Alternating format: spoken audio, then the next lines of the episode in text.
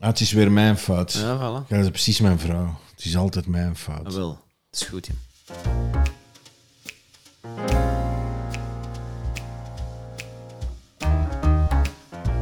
Oké. Ik ga graag op restaurant. Ik ga veel op restaurant.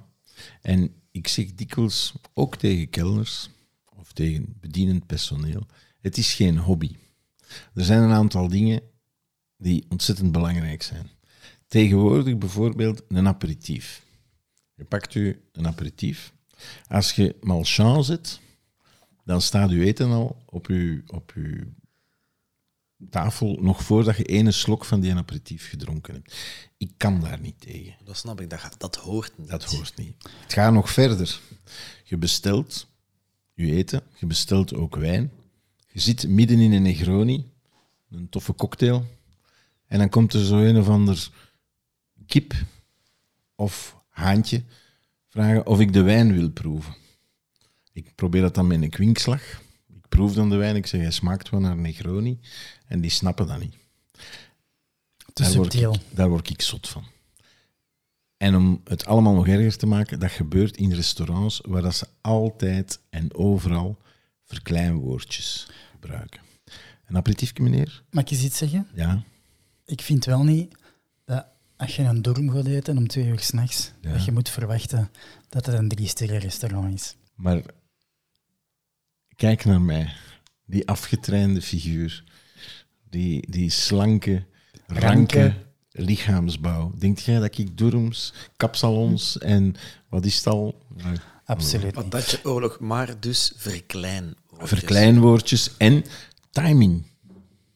Ik denk, Timing. En wat dat, Timing is alles, hè. timing is alles. En bovendien, ook een keer dat je je hoofdgerecht gehad hebt, kun je het schudden. Hè?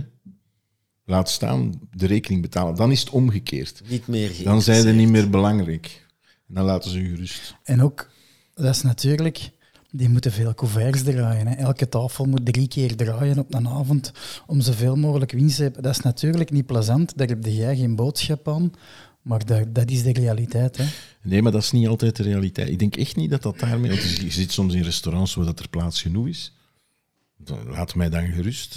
Maar, maar En is het, denk toch... is het een het is- probleem van kennis of van attitude? Zijn het mensen die de etiketten niet kennen? Of zijn het mensen die de attitude van gastvrijheid en goed tafelen...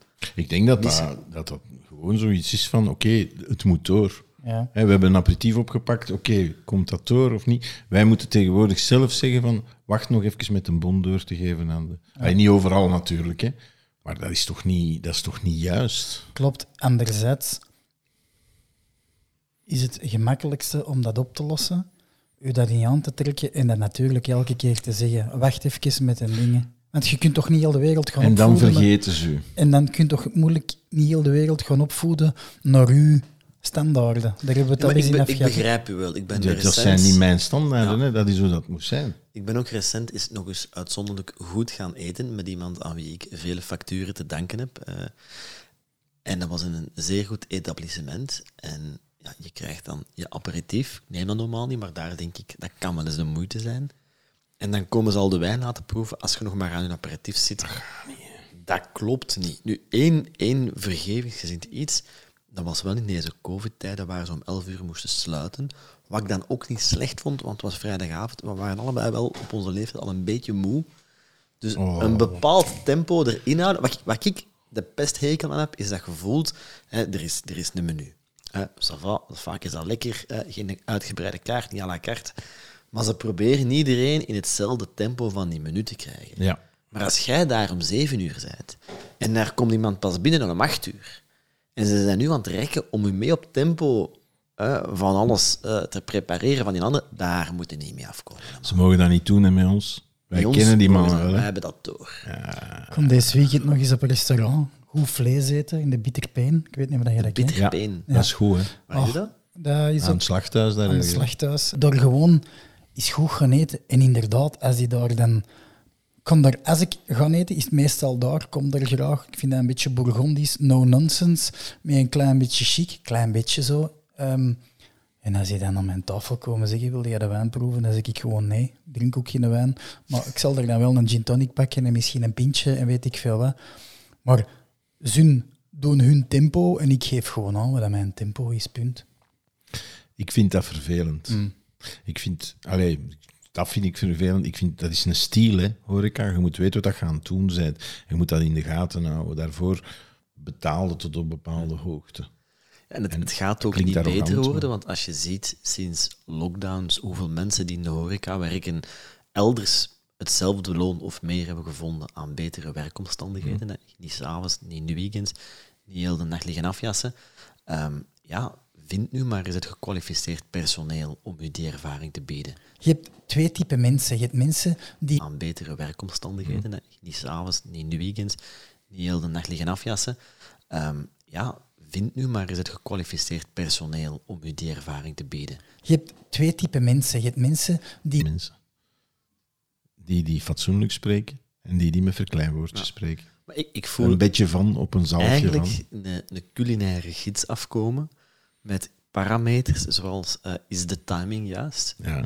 Is er een afwezigheid van het gebruik van verkleinwoorden? Misschien dat dat wel eens een leuke rubriek is in de gazet om zo eens anders, op een andere manier restaurants te scoren. Maar we hebben het een tijdje geleden gehad over hoe moet de vrouw benaderd worden. Dan hebben we geconcludeerd dat dat niet te lezen valt. Het is natuurlijk ook voor een ik bijvoorbeeld, ik ga vaak op restaurant. Kom aan, gasten, even een goed voorgerechtje, drie minuten ademen, hoofdgerecht, een goede cappuccino en ik wil hier weg zijn. Dan krijg ik het op mijn zenuwen als ze niet komen opdagen. Ik had gisteren een meeting in Antwerpen en ik dacht, ik ga even in een opper rap een cappuccino drinken op het terras voordat ik naar die meeting ga.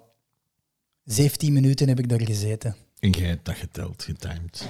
Ik heb gekeken op mijn horloge hoe laat het was om naar die meeting te gaan. Ik heb op mijn horloge gekeken, ik moet naar mijn meeting bijna, ik hier geen koffie hebben. En dan kun je, als je dan de rekensom maakt, weet je dat. Het grappige was, ik heb mijn rugzak gepakt, ik ben weggewandeld en in de etablissement daarna zat mijn klant waar ik meeting mee had en die deed tegen, kom binnen, dan kunnen we nog een koffie drinken. Het is allemaal nog goed uitgedraaid, maar ik wil wel zeggen dat